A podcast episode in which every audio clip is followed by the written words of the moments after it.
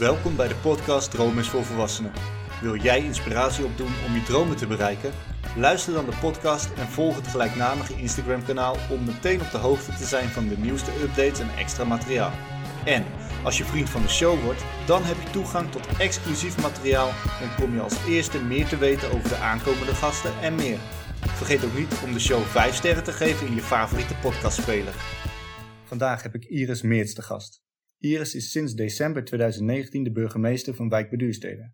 Na een opleiding bestuurskunde aan de Universiteit Twente heeft zij op verschillende plekken gewerkt. Van statenlid van de PvdA-fractie in Rotterdam, een stageplek in Brussel voor de Europese Commissie, tot organisator en speechschrijver voor toenmalig burgemeester van Rotterdam, Bram Peper. Daarnaast was zij ook projectleider, spreker en consultant. Was het burgemeesterschap dan altijd haar droom en hoe is zij op deze plek gekomen? Je hoort het in deze podcast. Ja, mevrouw Meers, welkom bij de podcast. Hoe gaat het? Ja, heel goed. Uh, lekkere zomer gehad en fijn dat we gewoon weer, dat alles weer kan. Ja. Dat uh, corona ons niet meer in de weg zit. Precies, want nou ja, we hebben dit gesprek eigenlijk aan het eind van de zomervakantie voor de, ja, de basisscholen eigenlijk in 2022.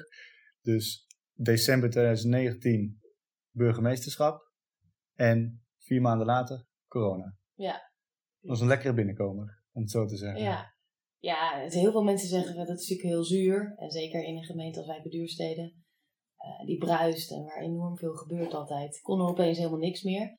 Maar ja, aan de andere kant, dit is mijn eerste baan als burgemeester. Dus ik wist ook niet heel veel beter. Hè? Nee. Het was ook een hele steile leercurve.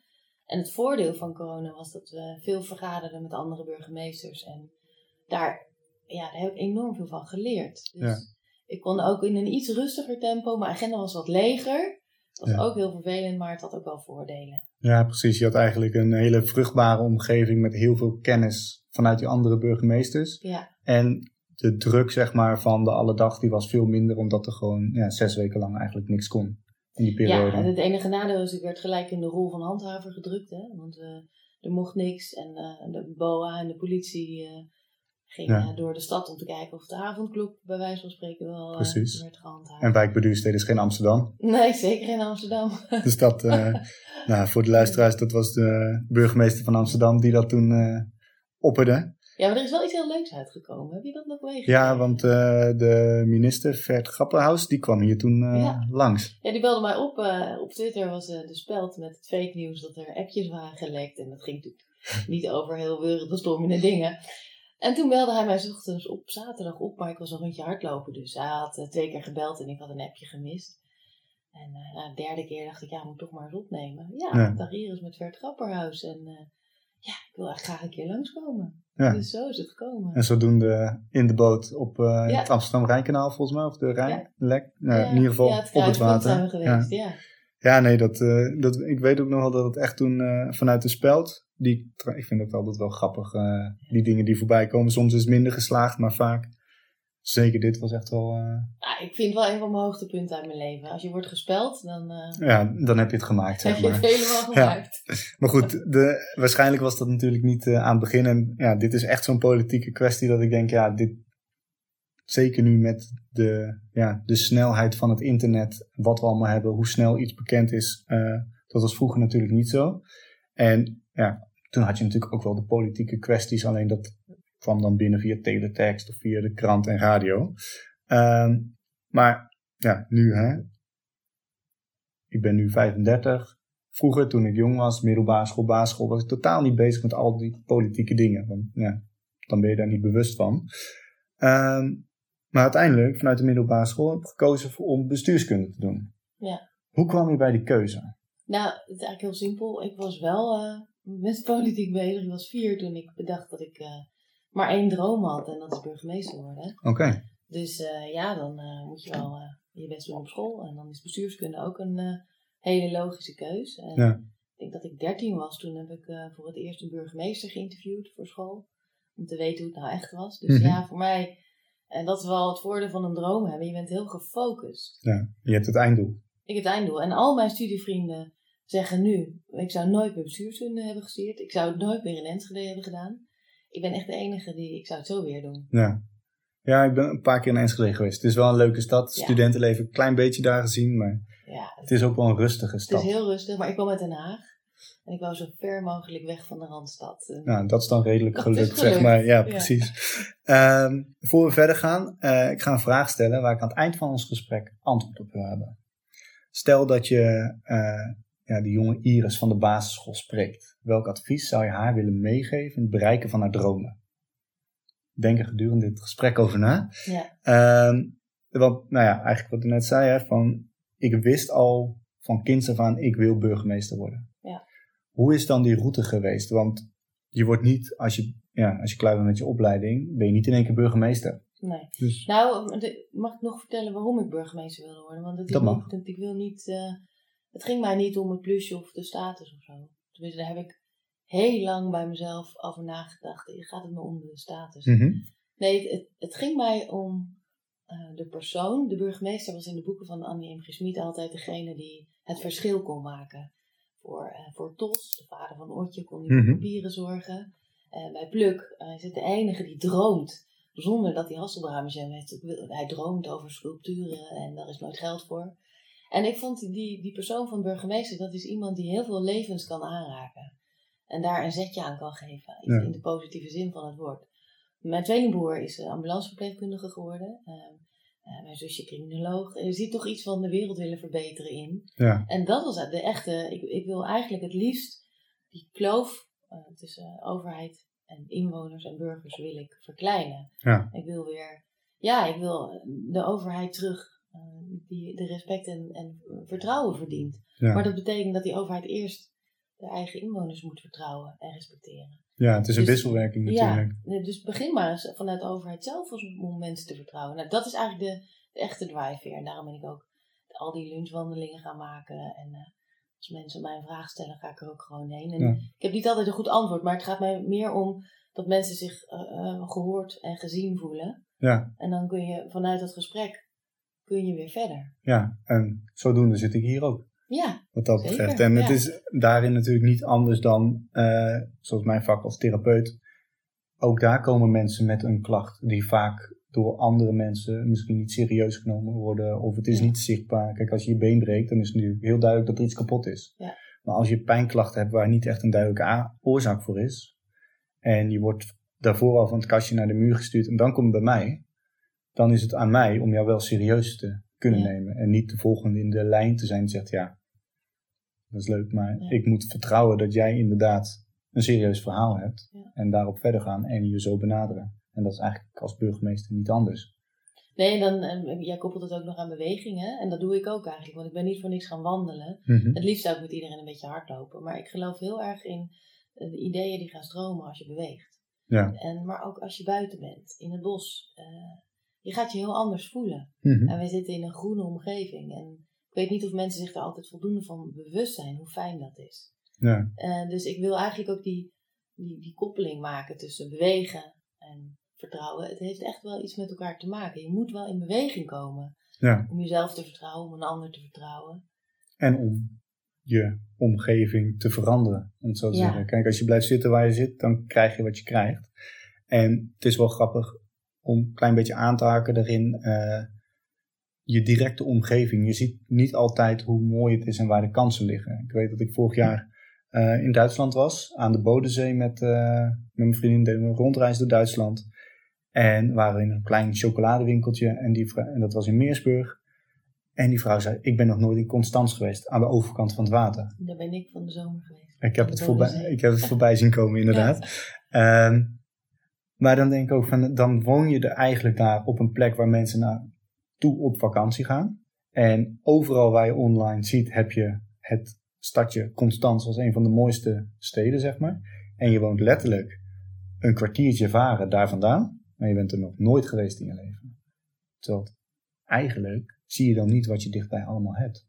En dat, ja, daar liggen vaak heel veel kansen om ook ja, te verbeteren en je dromen te bereiken, om het zo te zeggen. Ja. Ehm, maar goed, we dwalen een klein beetje af, want de vraag was, hoe kwam je in de politiek? Dus ehm, nou, ik was niet voor niks. Ik was in Enschede, waar ik studeerde, al betrokken bij de oprichting van de lokale Jonge Democraten. Dus dat is de jongerenvereniging van, van D66. En daar heb ik ook wel eh, heel veel eh, gedaan aan debatteren. En ik was voorzitter van het congres. En ik zat in de commissie Politieke Zaken en we waren bezig daar al met het Paarse Regeerakkoord Mhm. voor het eerst. Eh, uit die tijd, eh de Sharon Dijksma studeerde daar trouwens ook in die tijd. Burgemeester van Utrecht. Van Utrecht nu, ja. En ehm, ik, ik, het, het- politiek op zich, het spel interesseert me niet zo erg, maar het is natuurlijk wel een, het forum waar je mening kunt uitwisselen en waar je uiteindelijk je, je beslissingen er doorheen zou kunnen krijgen. Ja. En dat is in de oudheid eh, was dat natuurlijk ook al zo. Dus vandaar dat de, bijvoorbeeld de Romeinen en de Grieken mij ook al heel erg inspireren. Maar dus daar is het begonnen en toen heb ik een, een hele tijd, eh, heb me ook niet met politiek bezig gehouden. Maar op een gegeven moment toen dacht ik, ja, ik moet wel politiek bestuurlijke ervaring opdoen. Dat was in Provinciale Staten. Eh, maar mijn kinderen waren heel klein. En die combinatie was gewoon niet fijn, want ik was ook aan het hardlopen en ik moest werken daarnaast. Dus toen dacht ik, ik wacht tien jaar, dan zijn de kinderen wat groter. Mhm. En op 1 januari 2018 heb ik elke dag iets gedaan, van- vanaf toen elke dag iets gedaan wat me dichter bij het burgemeesterschap bracht. Ja. En dat kon alles zijn. Het kon een stuk lezen zijn, of het kon iemand bellen en interviewen zijn. Uh, en ik merkte al gauw, uh, er zijn heel veel mensen die burgemeester willen worden. Uh, en een zijinstromer, en dat is niet zo makkelijk. Want liever hebben ze iemand met politiek bestuurlijke ervaring, en dat snap ik ook. Maar ik had er juist voor gekozen om die andere weg te bewandelen. Omdat ik denk dat je dan veel, veel meer levenservaring en rijkdom mee kunt brengen. Ik snap een ondernemer, want ik heb tien jaar een eigen bedrijf gehad. Ja. Ik snap de culturele sector. Ik heb bij het Rotterdamse Philharmonisch Orkest gezeten.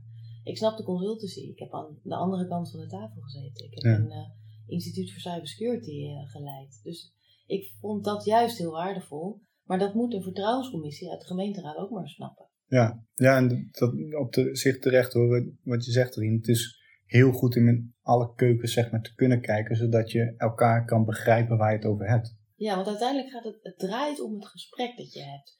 En, en dat, dat is nu ook. Die kloof die wordt alleen maar groter als we niet meer met elkaar praten, elkaar niet meer aankijken. Ja. Het gesprek is ook moeilijk, want het kan enorm wringen en er is weerstand. En, maar er is geen andere manier dan Nee. elkaar tegenkomen, ontmoeten en proberen te begrijpen. Ja, en dat merk je, je merkt, sorry hoor dat ik onderbreek, maar je merkt eigenlijk in de hele maatschappij, om het zo te zeggen, dat iedereen zijn eigen of haar eigen eilandje aan het beschermen is.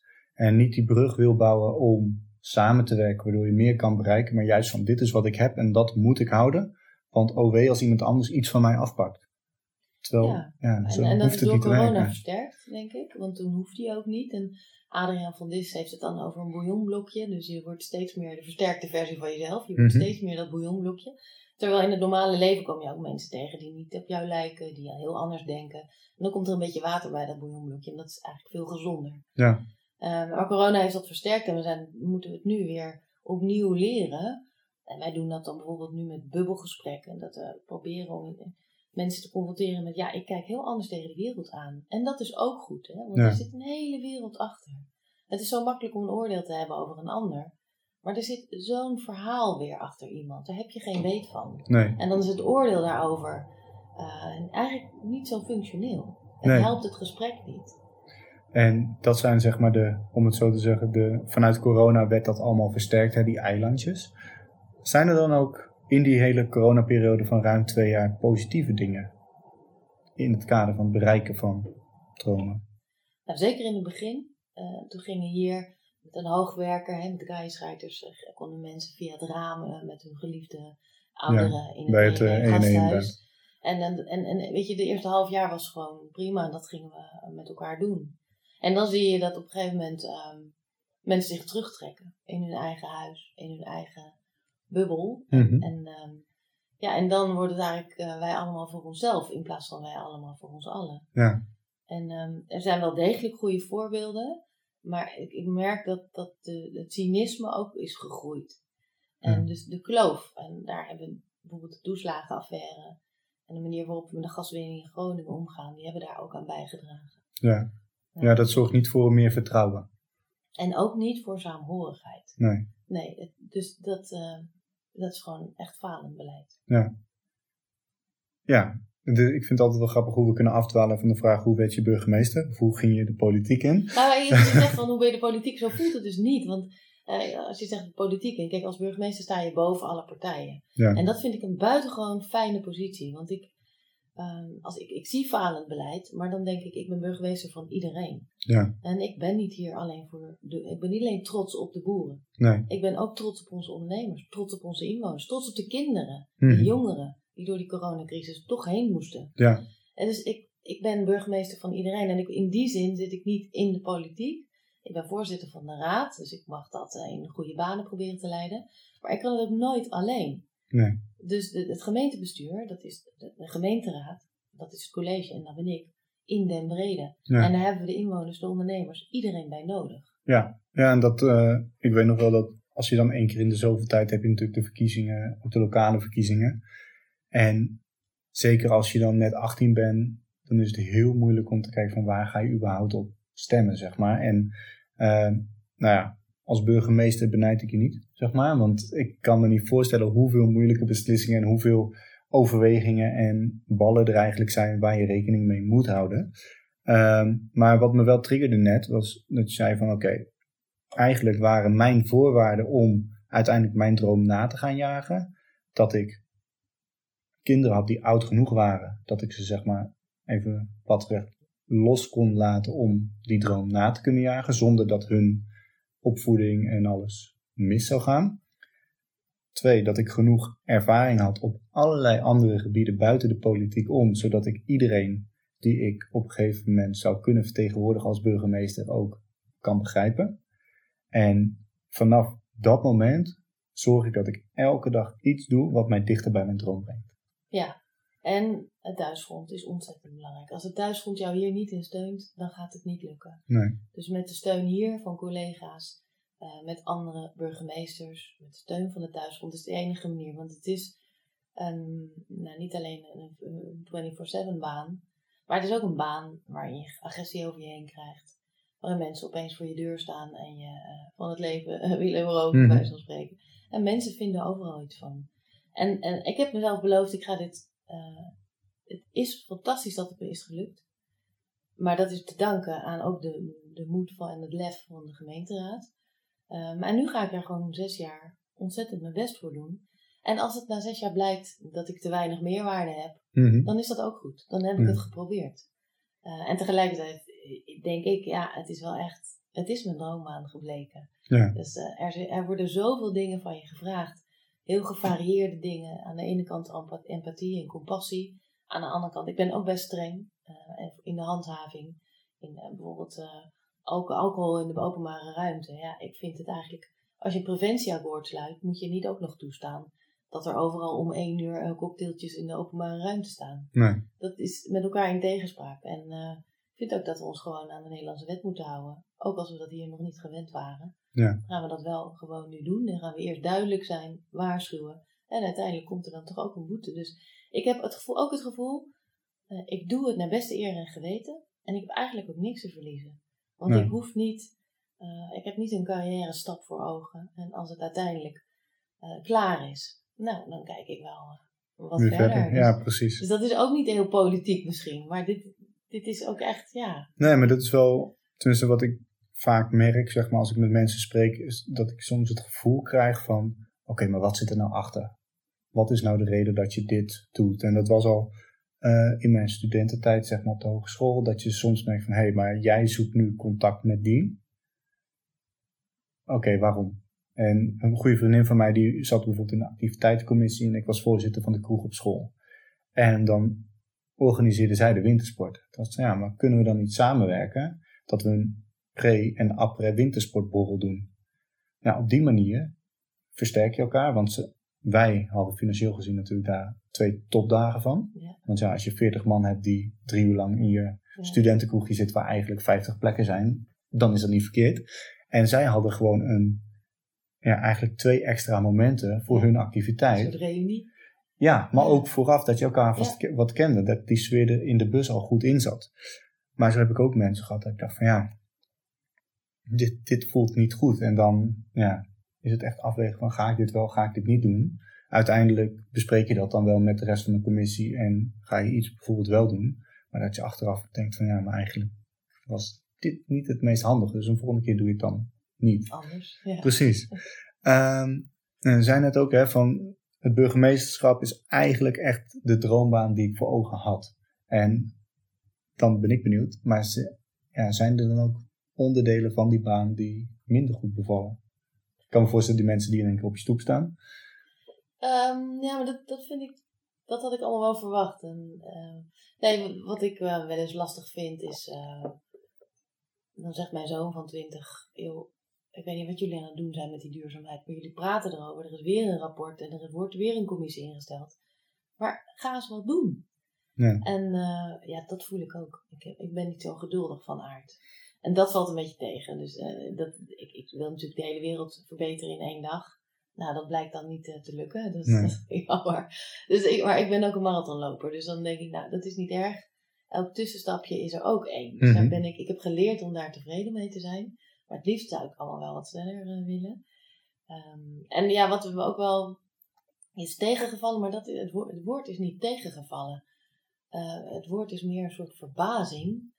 Um, je komt toch uit je eigen bubbel ook. Mm -hmm. En um, in dit vak krijg je zoveel andere mensen uh, aan je bureau. Je ontmoet zoveel mensen van wie je denkt, wat een ander leven. En ook vaak hele zware levens. Ja. En dat, dat gaat dan ook niet goed. En dan moet je een huisverbod of een gebiedsverbod afgeven. Of je moet zelfs een woning sluiten.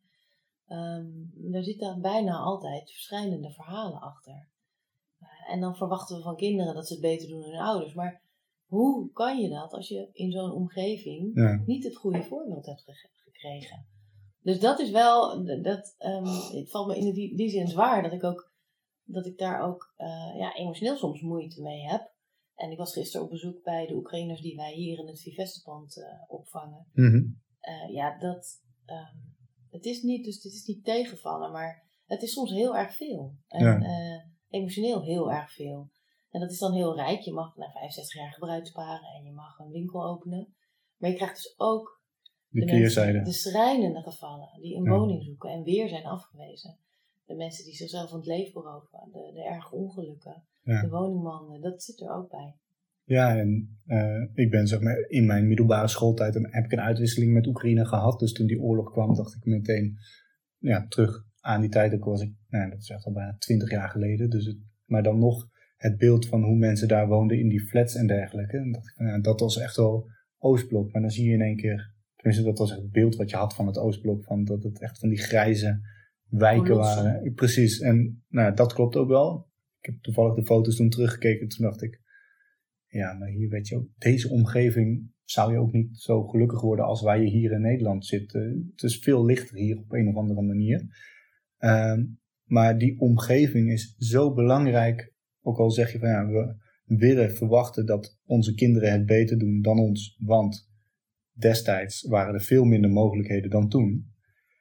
Maar ook dat is weer voor een bepaalde categorie mensen. Want als jij uit een omgeving komt waar het gewoon moeilijk is, dan ben je bezig met overleven. Ja. Meer niet. En je doet toch wat je ziet. Hè? Dus ja. Ik kom net bij Corine Merkers vandaan uit Langbroek. Nee, die wilde niet het tuincentrum van haar ouders overnemen. Nou ja, uh, en nu is ze uh, in de twintig. Mm-hmm. En ze heeft uh, wat meer van de wereld gezien. En is een keer terug naar Langbroek. En ze werkt voor een deel weer in het tuincentrum met, met, met graag, met, ja. met, met hartstocht. en dan zie je dus dat ergens, je roet, dat, dat kun je toch niet verloochenen. Nee. En dat, is, dat geldt in het goede, maar ook in het slechte geval. Ja. En dan prijs ik mezelf gewoon gelukkig dat mij met mijn achtergrond wel gelukt is. En dan hoop je dat je dat je kinderen kan meegeven. Maar het is ja. niet vanzelfsprekend. En ik heb ooit uh, uh, 600 daklozen geïnterviewd in Rotterdam. Op twee, drie na waren dat allemaal mannen. En die mensen die hadden ook hele schrijnende verhalen. Ja. hadden ze restaurants gehad en tennisbanen. Maar het is heel simpel. Dan hebben ze een relatie en die gaat uit. Of ze wonen bij een moeder en die moeder overlijdt. En dan zijn ze niet in staat om voor zichzelf te zorgen. En dan verliezen ze hun baan. Dan hebben ze geen geld verlies je je huis en dan sta je al op straat. Als je dan ja. geen sociaal netwerk hebt. Het is maar een heel dun lijntje. Het kan ja. eigenlijk, met een beetje pech, kan het iedereen overkomen. Je krijgt een ongeluk, je vrouw verlaat je. Het is gewoon pech op pech. Ja. Maar daardoor weet ik wel, het, het, het, is niet vanzelfsprekend. Nee, nee, zeker niet. En het is ook, uh, wat ik dan aan moet denken, is het vangnet wat je hebt, zeg maar. En ik weet nog wel dat als je dan 18 bent en je bent van de middelbare school af en je bent volwassen en je moet je belastingaangifte gaan doen.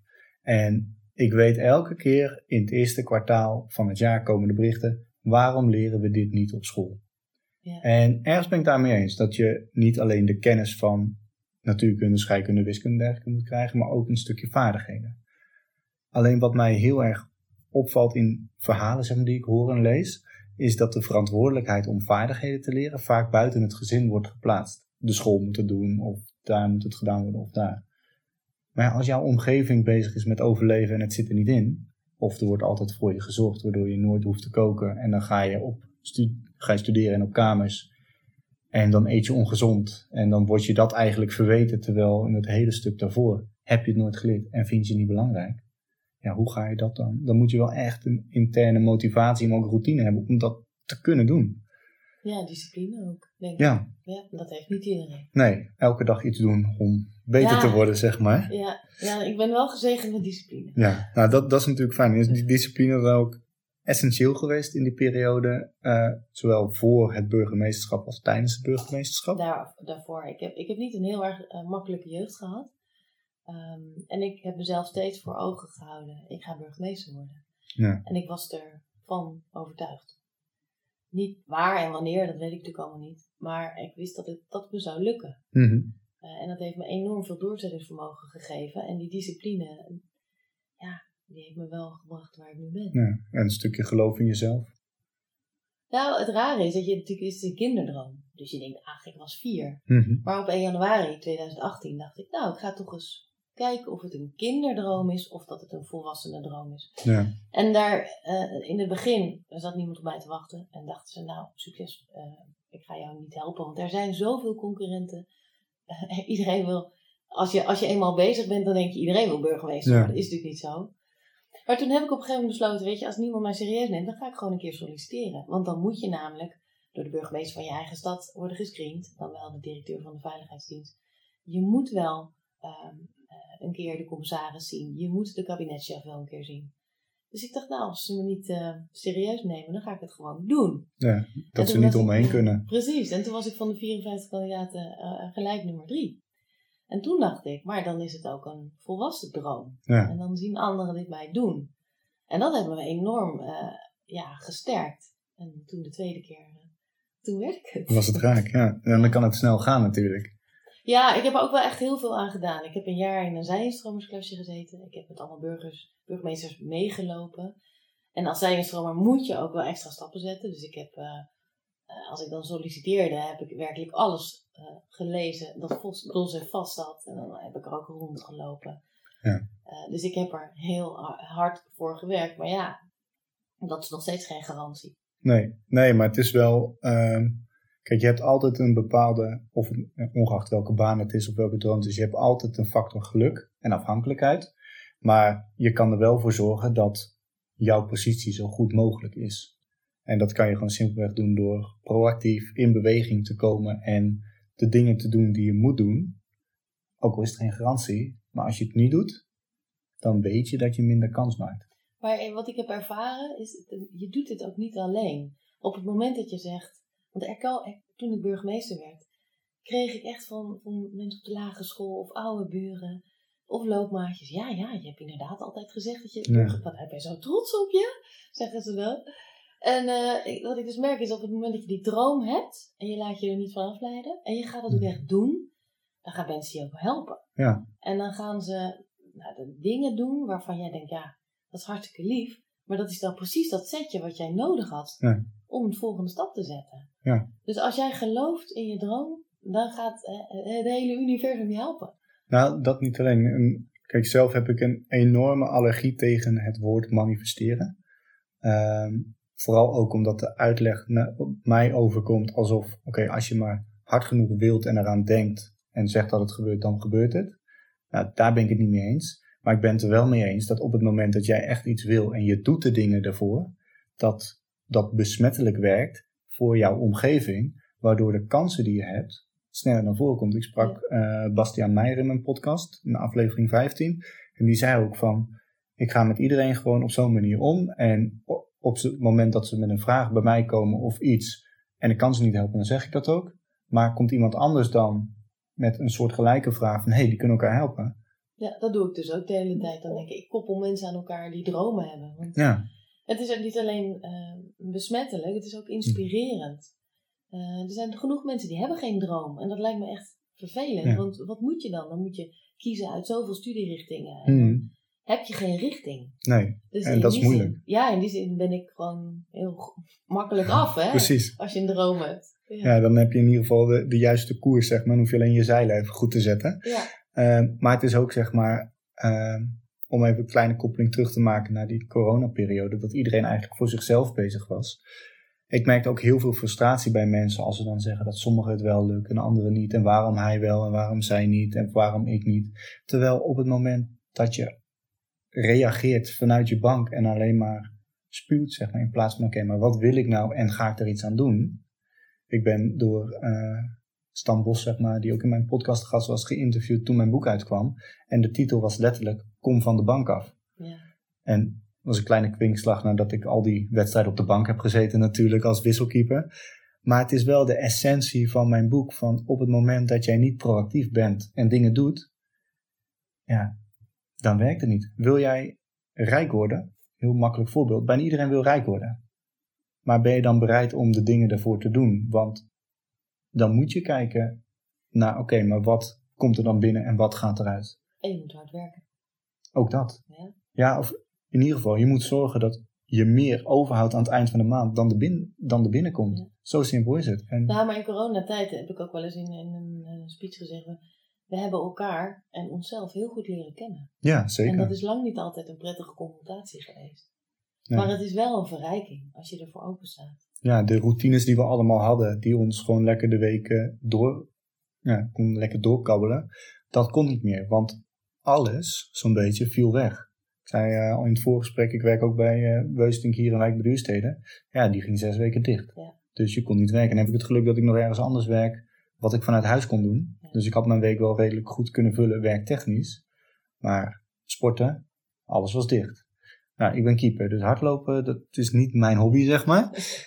Maar ja, zoek dan maar naar een manier om te bewegen. Ja. En dan, ja, fitness kon ook niet, want dat was dicht. Dus hoe ga je dan eigenlijk wel die beweging krijgen die je wil hebben, op een manier die bij je past? En dat is ook weer een zoektocht. En nu heb ik wel een manier gevonden, maar dat is en dan wel... ben jij nog gedreven, maar er zijn genoeg mensen die eigenlijk die intrinsieke motivatie niet hebben om te Ja. bewegen. Dus die zijn we ook verloren. Hè? Ja, Die zeker. zijn blijven zitten op de bank en die hebben een inactief leven gehad. En eh, die zijn dan ook, weet je, dat is dan ook heel naar. We hebben het natuurlijk wel over de mensen die op de IC terecht zijn Hmm. gekomen. Maar alle mensen die nog steeds wachten op een operatie of op een behandeling, Ja, die zijn in feite ook het slachtoffer geworden van corona. En Ja. dan zelfs dat zou nog een, een reden kunnen zijn, hè? mocht je zeggen van nou ik wil me niet vaccineren. Maar ja, doe het dan omdat die mensen ook nog geholpen moeten Ja. worden, lijkt mij. Nou ja, het is ook, eh, als je het dan hebt over eh, wel of niet vaccineren, wat, iedereen moet dat voor zichzelf weten. Mij, mij interesseert het helemaal niet wat, je- wat iemand doet. Maar wat mij dan wel steekt, is dat ze zeggen, ja, maar op het moment, of in ieder geval, dat ze zeggen, de berichten die dan voorbij kwamen online en wat daarvan waar is, moet je natuurlijk ook altijd even ja, twijfelen of dat het zo is. Maar dat dan wordt gezegd, ja, de mensen die gevaccineerd zijn, die mogen voorgaan op de niet-gevaccineerden, om het zo te zeggen. Maar dan heb je ook alweer een tweedeling van wel niet. Net als dat je eh, de toeslagenaffaire heb je groepen Ja. tegenover elkaar. Maar daarom hebben wij de testlocatie hier altijd open gehouden. Ook toen het echt on- ons best nog wel flink wat geld ging kosten. Mhm. ja, de mogelijkheden zijn er om te kunnen doen wat je wil. Het enige wat je moet doen is van de bank afkomen en dat ook te gaan doen. Ja. Ehm, en nou ja, wat, om te hebben over het stukje van de bank afkomen en ook eerder eh, wat je al aangaf van lunchwandelingen en dat soort dingen. Eh, als burgemeester ben je best wel actief op social media. Denk aan Twitter, Instagram. Ehm, is dat een bewuste keuze geweest om daar zo actief zeg maar in te delen? Nou, ik zit al heel lang op Twitter.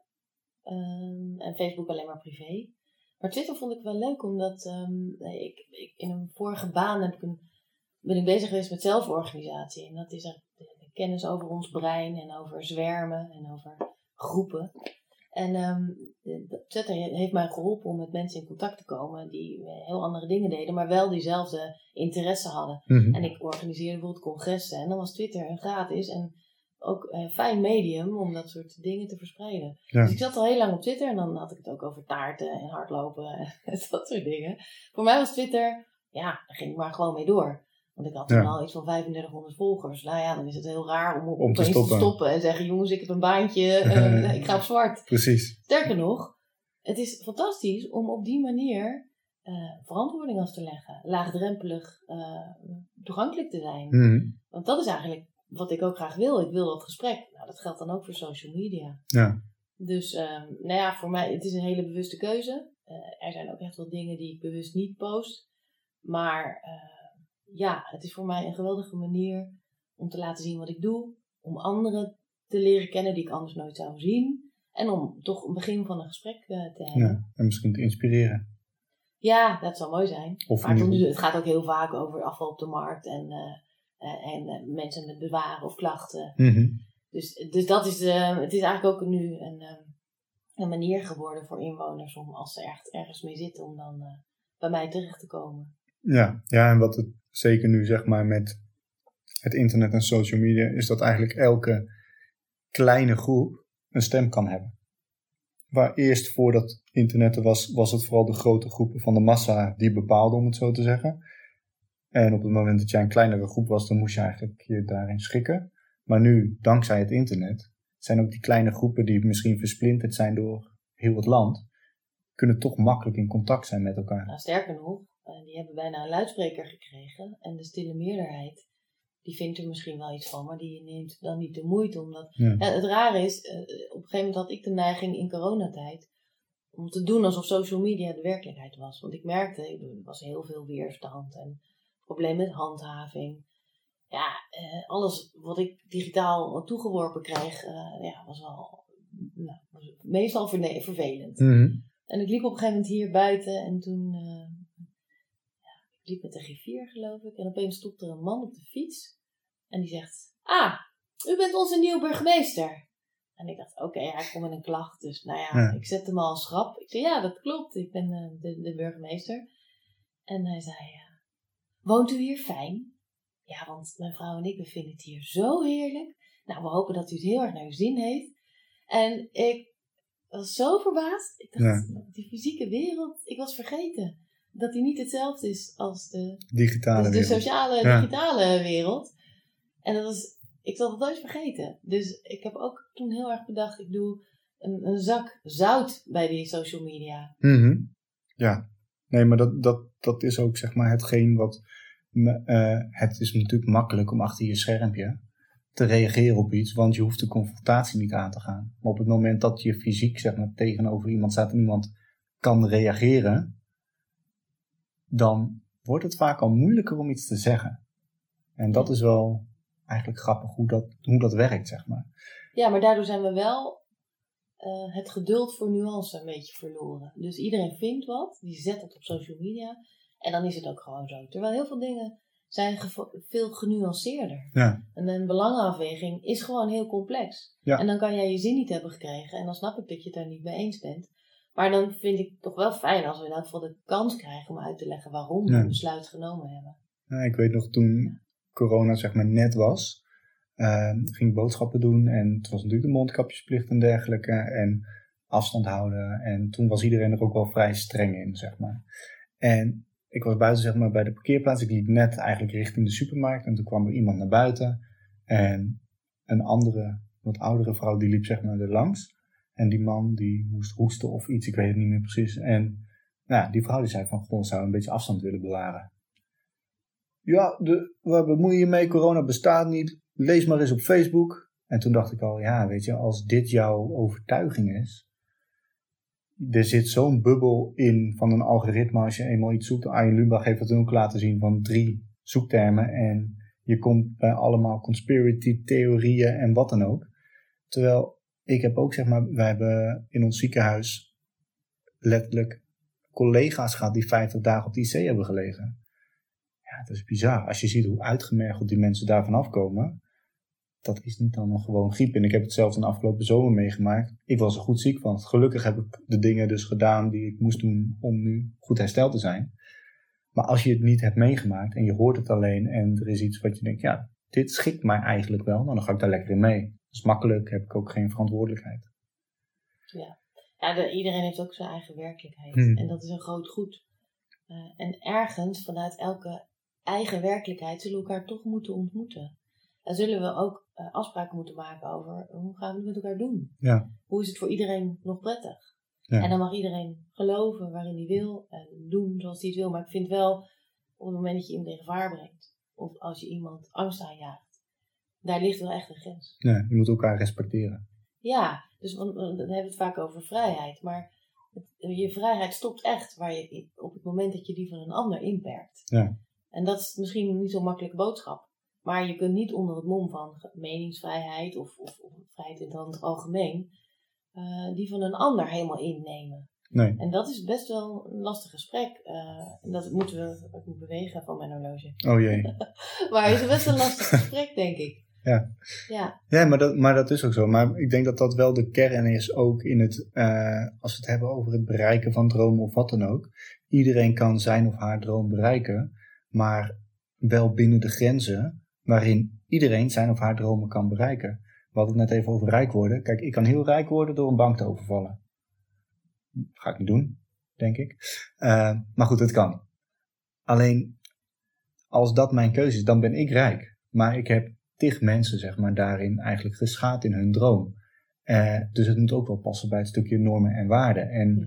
alles moet wel een soort van in balans blijven. Ja. En, en dat is lastig. Gisteravond was er een item op het journaal over die iodiumstaven die uh, de Chinese uh, de ruimte inschieten, omdat ze dan willen dat het gaat regenen. Mm -hmm. Zodat de Yangtze weer een beetje stijgt in volume en zodat ze de klimaateffecten bestrijden eigenlijk. Ja. En het is niet verboden om dat te doen. Uh, maar dat betekent wel dat je vocht onttrekt die misschien in India een regenbui had veroorzaakt. Ja. Dus je bent iemand aan het benadelen, een land aan het benadelen. En dat mag je doen, hè? Maar het is.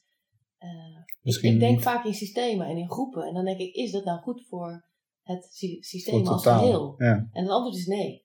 Uh, we moeten andere dingen doen. Uh, als we dat echt zouden willen, als we echt uh, weer zouden willen zorgen voor een, een, betere balans in de wereld, moet je andere dingen gaan doen. Dan moet Ja. je jodium de, de wereld in, het heelal inschieten, maar dan moet je wat anders gaan doen. ja. Eh, Bomen planten, bijvoorbeeld. ja, veel bomen planten en, en minder fossiele brandstoffen gebruiken. Ja. Minder CO2-uitstoot. Dat zijn, maar dat is, ik snap dat dat moeilijk is. Het is niet de quick fix. Nee. Maar op het moment dat je anderen indirect uh, benadeelt, dan is het uiteindelijk geen duurzame oplossing. Nee. Is dat duurzaam, du die duurzame oplossing? Net gaf je al aan dat je zoon thuis zei van ja, die duurzaamheid is leuk, maar wanneer ga je nog iets doen, zeg maar? Is duurzaamheid daarin ook misschien een rode draad in alles wat je hebt willen bereiken? Dat het op een duurzame manier gaat, dat eigenlijk jezelf wel beter ervan wordt, niet ten koste van iets anders? Uh, nou ja, ik zou het eerder het systeem noemen, denk ik. Dus dat we er met z'n allen beter van worden. Ja, dat kan heel duurzaam zijn, maar het kan ook gewoon, uh, bij wijze van spreken, een leuk feest zijn. Mm -hmm. Kijk, het is veel moeilijker om goed uh, iets leuks te organiseren. Uh, het is heel makkelijk om de pret te bederven van iemand. Weet je, je kan klagen of je kan iets gaan doen. Pretbedervers, die zijn er altijd, maar eigenlijk geven ze veel te veel stem. Want het is veel moeilijker om een leuk feest te organiseren waar Ja. iedereen plezier van heeft. Hè? Zo, neem zo'n Koningsdag. Dat, er zit een oranje comité achter, die zijn al jaren bezig. En dan zeggen mensen, ja, het is albollig of ik mis dit en dat. Dan denk ik, nou, dan Ga je mag je dat gaan doen. Ja. Want die mensen, die doen dit al jaren, komen ook op leeftijd. Het is hartstikke fijn als meer mensen dat stokje over willen nemen. Ja. Dus in plaats van de pret bederven kun je hem ook vergroten. En ik denk dat dat is meer de, de, de, de drive die ik heb. Dat ik denk, hoe kunnen we met z'n allen eh, de pret voor iedereen een beetje vergroten. En gewoon wat fijner maken. Is het dan ook als burgemeester zeg maar, lastig om werk en privé op dit moment gescheiden te houden daarin? Ja, dat, kan- dat kan eigenlijk niet. Dat loopt helemaal in elkaar over. Als ik ga hardlopen, s ochtends om half zeven bij Sandenburg. Dan, eh, dan, hoor ik Goedemorgen burgemeester. Ja, dus ja, dat, is, dat, dat hoort erbij. En ik heb ook, eh, ja, je werkt ook eigenlijk gewoon 24 uur per dag. Ja. Dus, en je bent een publiek voor. Ik, ik weet nog, ik was net voorgedragen, nog niet eens geïnstalleerd. En ik was daar, de, uh, uh, mijn partner en ik waren bij de molerij in Lek. En uh, ik stak daar mijn hoofd door het trapgat en Marta de Wit zegt: uh, Oh, ik weet het al, u bent de nieuwe burgemeester. Dus het was al vanaf het begin was het een soort kansloos. Ja. Uh, de enige manier waarop ik anoniem kan zijn is een capuchon over mijn hoofd en, en een, en een zonnebril op. Precies. En dan onder maar een zelfs dan, als ik hardloopschoenen aan heb, dan is het al. Nee. Ja, dat is moeilijk. Ja, ja en dan, ik kan me zeker voorstellen, want volgens mij in ieder geval wat ik weet, twee voorgangers waren mannen. Maar ik weet niet hoeveel. Alle. Alle ja. Alleen de waarnemer was een vrouw, dat was de eerste. Ja, ik ben de eerste benoemde vrouwelijke burgemeester. Ja. ja. Merk je daarin dan ook dat de omgeving daaraan enorm moest wennen? Ja, maar dat is ook omdat ik gewoon heel anders ben dan mijn voorganger. En, en ik had een beetje onderschat hoe, uh, hoe persoonlijkheid ertoe doet in het burgemeestersvak. Want je, je hebt, als ik kijk naar mijn collega's, iedereen is anders. Mm -hmm. En iedereen past dan ook bij de gemeente waar hij of zij zit. Uh, maar er zijn zoveel variaties in, dat is echt ongelooflijk. Ja. Je zou zeggen, het is één ambt, maar je kan het op, op, op duizenden manieren invullen. Ja. Uh, en ik lijk niet erg op mijn voorganger, nee. Nee, die was iets langer en uh, Ja. mannelijk, zeg maar. Ja, En ook. Ja, Voorzitter van de Nederlandse Biervereniging, ja dacht en ik zoiets. actief bij de VVD. Ja. Allemaal dingen die ik niet doe. Nee, Ja. nou dat is ook wel leuk dat het dan toch voor de positie zelf eigenlijk niet uitmaakt. Nee, en ik vind het ook hoopgevend dat het... Mensen zeggen wel eens, dit zijn van die achterkamertjes uh, benoemingen. Ja, ik ben het levende bewijs dat het niet zo is. Nee, Want ik, ik had werkelijk, ik heb geen kruiwagen gehad. Nee. Ik heb het echt gewoon zelf kunnen doen. Met Ja. heel veel hulp, hè. Maar Uiteindelijk stond je wel achter die kruiwagen in plaats van erin. Ja, ja. Ehm, nou, en dan, nou ja, vanuit vroeger hè, als vierjarige droom om burgemeester te worden en uiteindelijk is dat gelukt. Ehm, hoe is het dan nu om als burgemeester nog andere persoonlijke dromen waar te kunnen maken? ja, dat is het mooiste wat er is. En dan ben ik ook wel dankbaar dat ik dan in een positie zit waarin ik dat voor elkaar kan krijgen. Dat ik net die personen aan elkaar kan koppelen die elkaar nog niet kennen. Mhm. Dat we net dat ene zetje kunnen geven. Soms is het zelfs alleen maar een post op, op Instagram, waardoor mensen weer eh, verder geholpen zijn. Ehm, maar ik, ik- dat ben ik ook verplicht. Dat vind ik. Ik bedoel, ik ben hier niet voor niks gekomen, niet voor mezelf. Nee. Ik vind echt dat ik mensen moet helpen om die droom te verwezenlijken. Want het mooie aan een droom is, het brengt zoveel sprankelende energie met zich mee. Ja, En dat is vaak zo aanstekelijk. En daar word je gewoon blij van. Dus dan gaan mensen gaan meehelpen. ja, En dus als je, als je een droom hebt, dat is gewoon voor de hele omgeving is dat leuk. ja, Dus daar, daar help ik graag in mee. ja. En voor jou persoonlijk, de persoonlijke dromen die jij op dit moment hebt, staan die in de ijskast? Of is het zo zes jaar lang burgemeester en dat is eigenlijk, omdat dat dag- en nachtbaan is, zeg maar, waar ik mee bezig ben en eigenlijk mijn persoonlijke dromen, die zijn er niet? Of hoe moet ik dat zien? Ja, dus, ehm, ik zit te denken, mijn, ik ben mijn droom aan het leven. Dat gevoel heb ik wel echt. Mhm. Ehm, en mijn persoonlijke droom eh, ja, is wel dienend nu aan het burgemeesterschap. Ja, Het is niet zo dat ik nu me ga voorbereiden op een geweldige marathon waarin ik een persoonlijk record ga lopen. Eh, en dat is ook prima. ja, Eh, want dat is gewoon niet te combineren. Het is gewoon. Kijk, ik, ik ben nu eigenlijk. probeer gewoon heel fit te zijn om ook de baan goed te kunnen doen.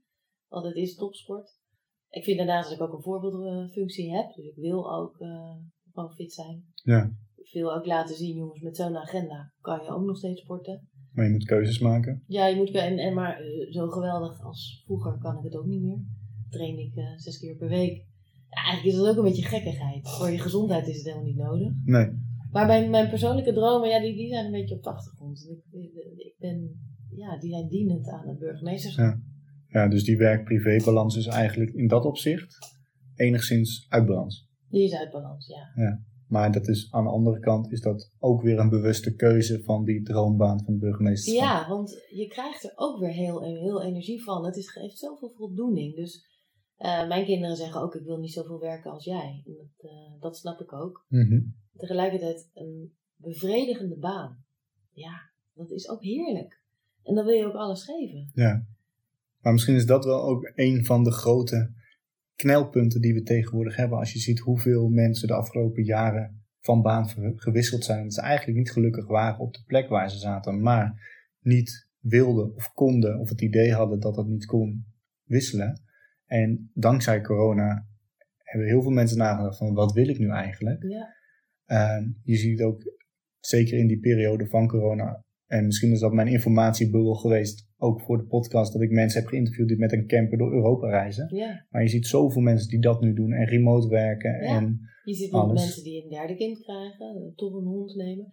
Maar eh, laatst kwam het nieuws dat heel veel mensen uit de Randstad zijn verhuisd. Die willen eigenlijk rustiger en groener wonen, fijner wonen. Mhm. Niet meer per se die red race elke dag. Eh, en mensen zoeken een baan met betekenis. Ja.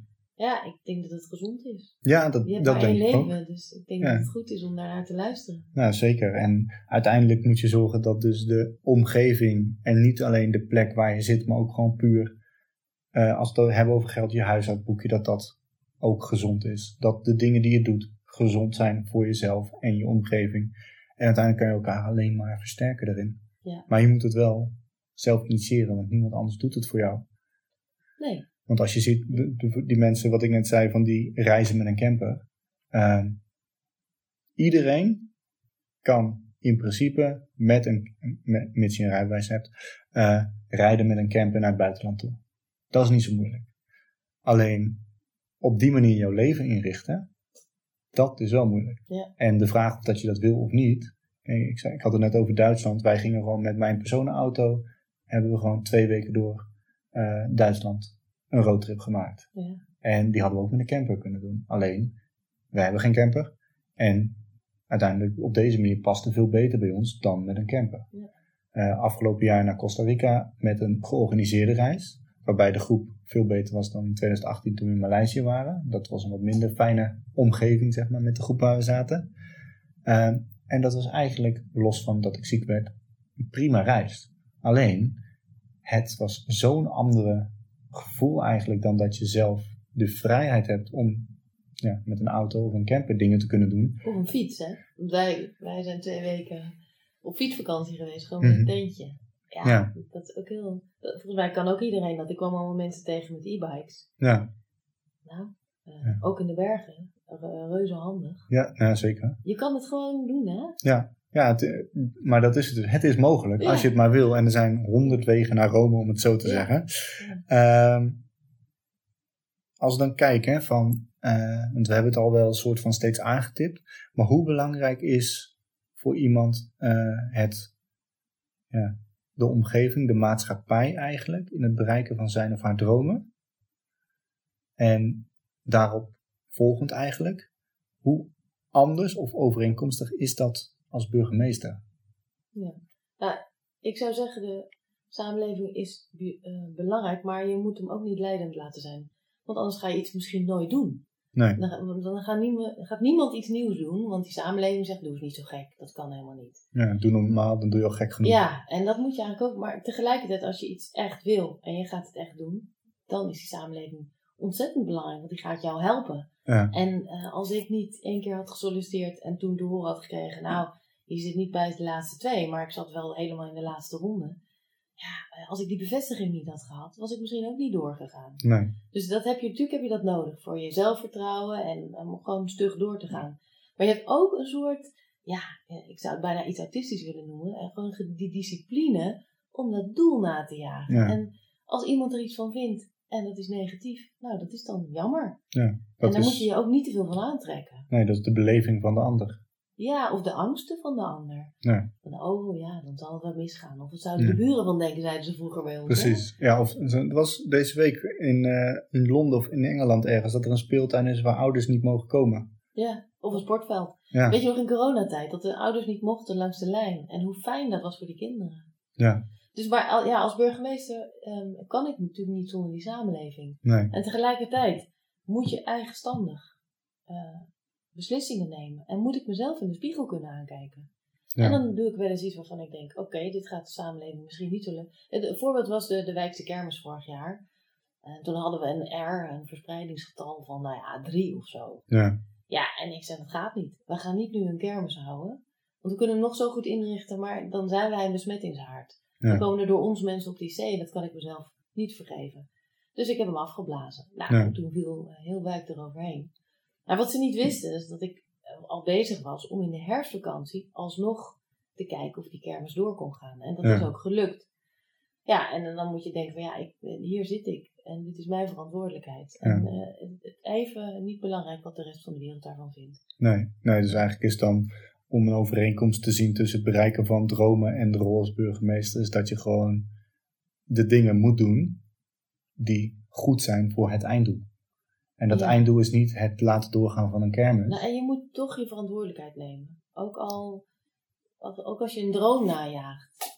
Dat, dat brengt weer andere verantwoordelijkheden met zich mee.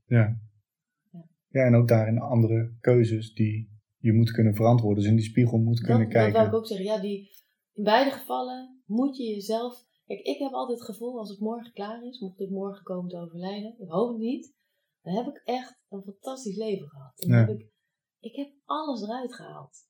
Ja. En dan heb ik er hopelijk vrede mee. Eh, en ik heb mezelf steeds in de spiegel aangekeken. Dat is niet makkelijk. Maar ik heb wel, ik ben er met mijn hoofd eerst ingedoken, hè? Ja, Het first erin. ja gewoon. eh, en soms moet je ook gewoon de sprong wagen. Ja. En als je echt iets wil, dan kan je je laten leiden door iedereen die zegt: doe het niet. Maar ja, als, als hetgene, hetgene is wat je wil. Ja, en dan komt ook nog bij dat het is best wel een rationeel gesprek, hè? Maar ik ben wel steeds meer gaan vertrouwen op mijn intuïtie. Ja, En die heb je ook niet voor niks.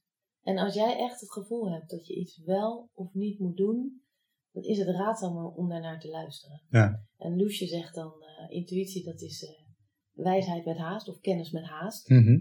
En eh, dat is ook zo. ja, Dus daar moet je naar luisteren. ja. ja zo, vaak mensen zullen dat herkennen, zeg maar. Dat als je maar vaak genoeg iets hebt gedaan, zeg maar, dan voel je of iets goed zit of niet.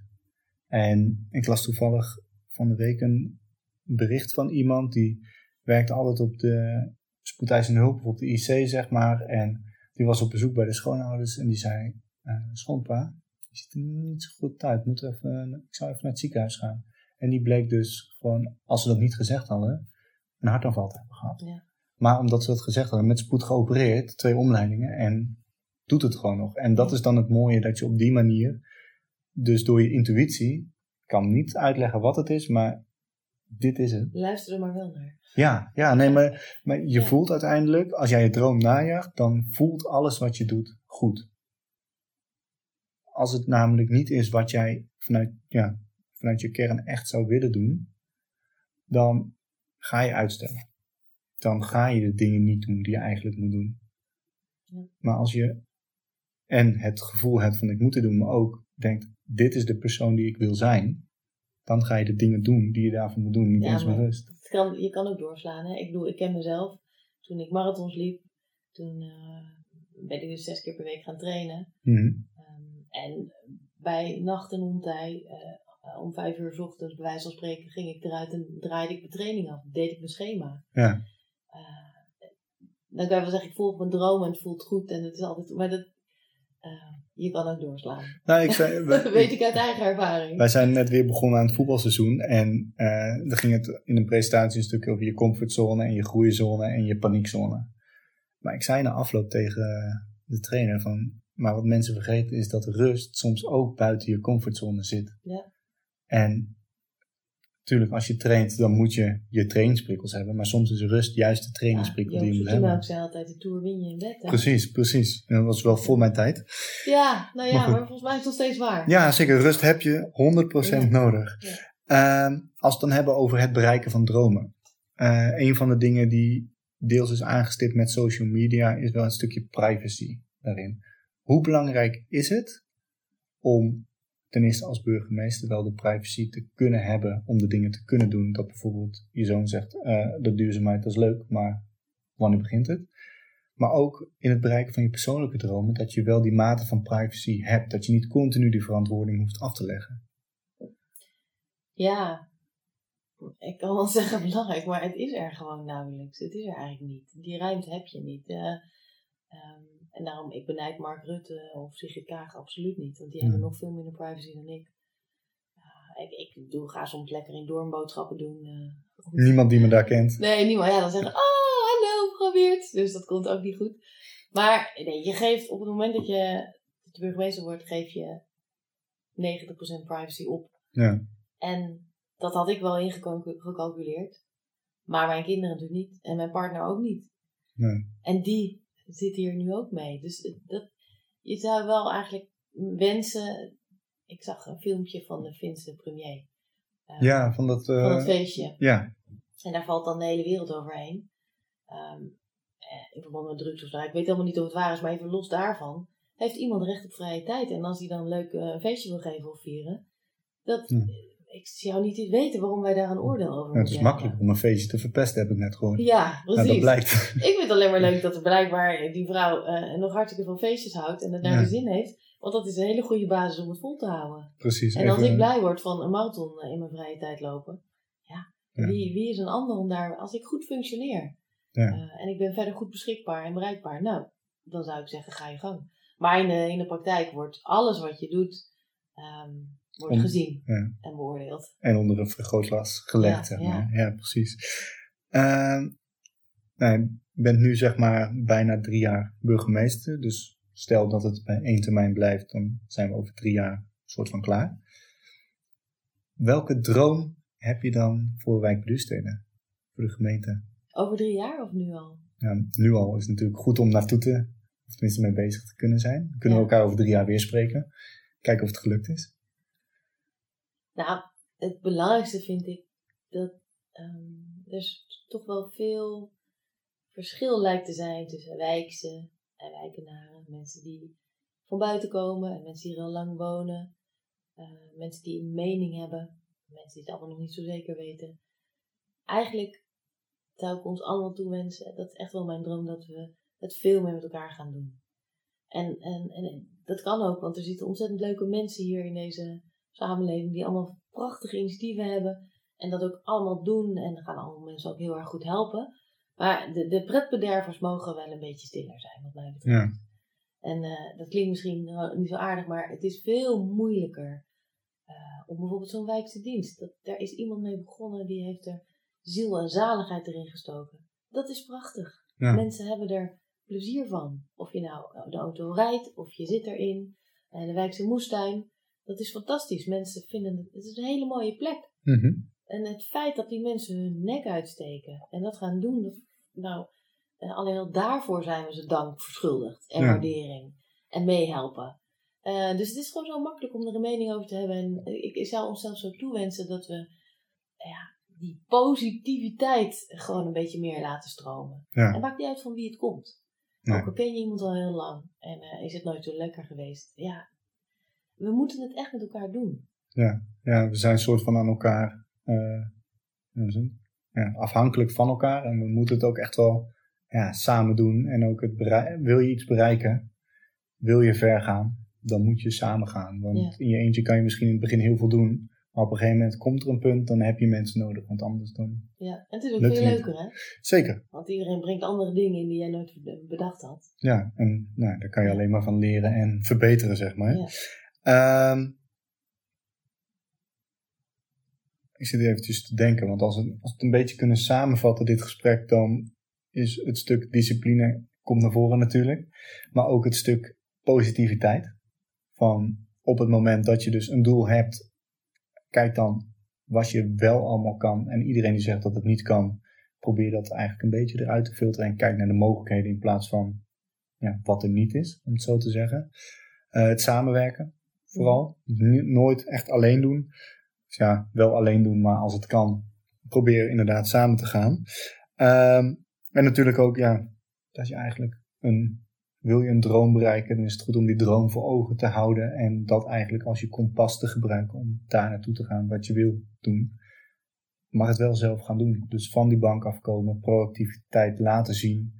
En daarmee besmet je de mensen om je heen. Als het goed is, dat je een mooie ja, positiviteit krijgt, om het zo te zeggen. Eh, stel nou dat mensen dit gesprek hebben gehoord en denken, nou, dat vind ik tof. Eh, ik ben benieuwd wat eh, ja, de burgemeester allemaal online plaatst. Waar kunnen ze je vinden? Oh, op Twitter. Kierenmeert, gewoon achter elkaar. Ik zit op Instagram, ik zit op Facebook. En ik zit op Strava. Maar ik moet zeggen, daar accepteer ik alleen maar verzoeken van mensen die ik ook echt ken. Want ja, eh, weet je, veiligheidsdingen en dat soort dingen. En. LinkedIn ehm, verwaarloos ik altijd heel erg, maar vind ik vast wel belangrijk. Maar ik heb er gewoon geen tijd voor. Nee, nee dus eigenlijk het beste is Twitter en, eh, en Instagram. Instagram, dat is het makkelijkst. Precies, ja, precies. Als we dan teruggaan naar eh, de vraag of het advies eigenlijk aan de jonge Iris van de basisschool, wat zou dat dan zijn? Dan zou het zijn: geef nooit op. Ja. En geloof in jezelf. Misschien is dat wel eh, ook een hele mooie samenvatting van dit gesprek. Ja. Dankjewel.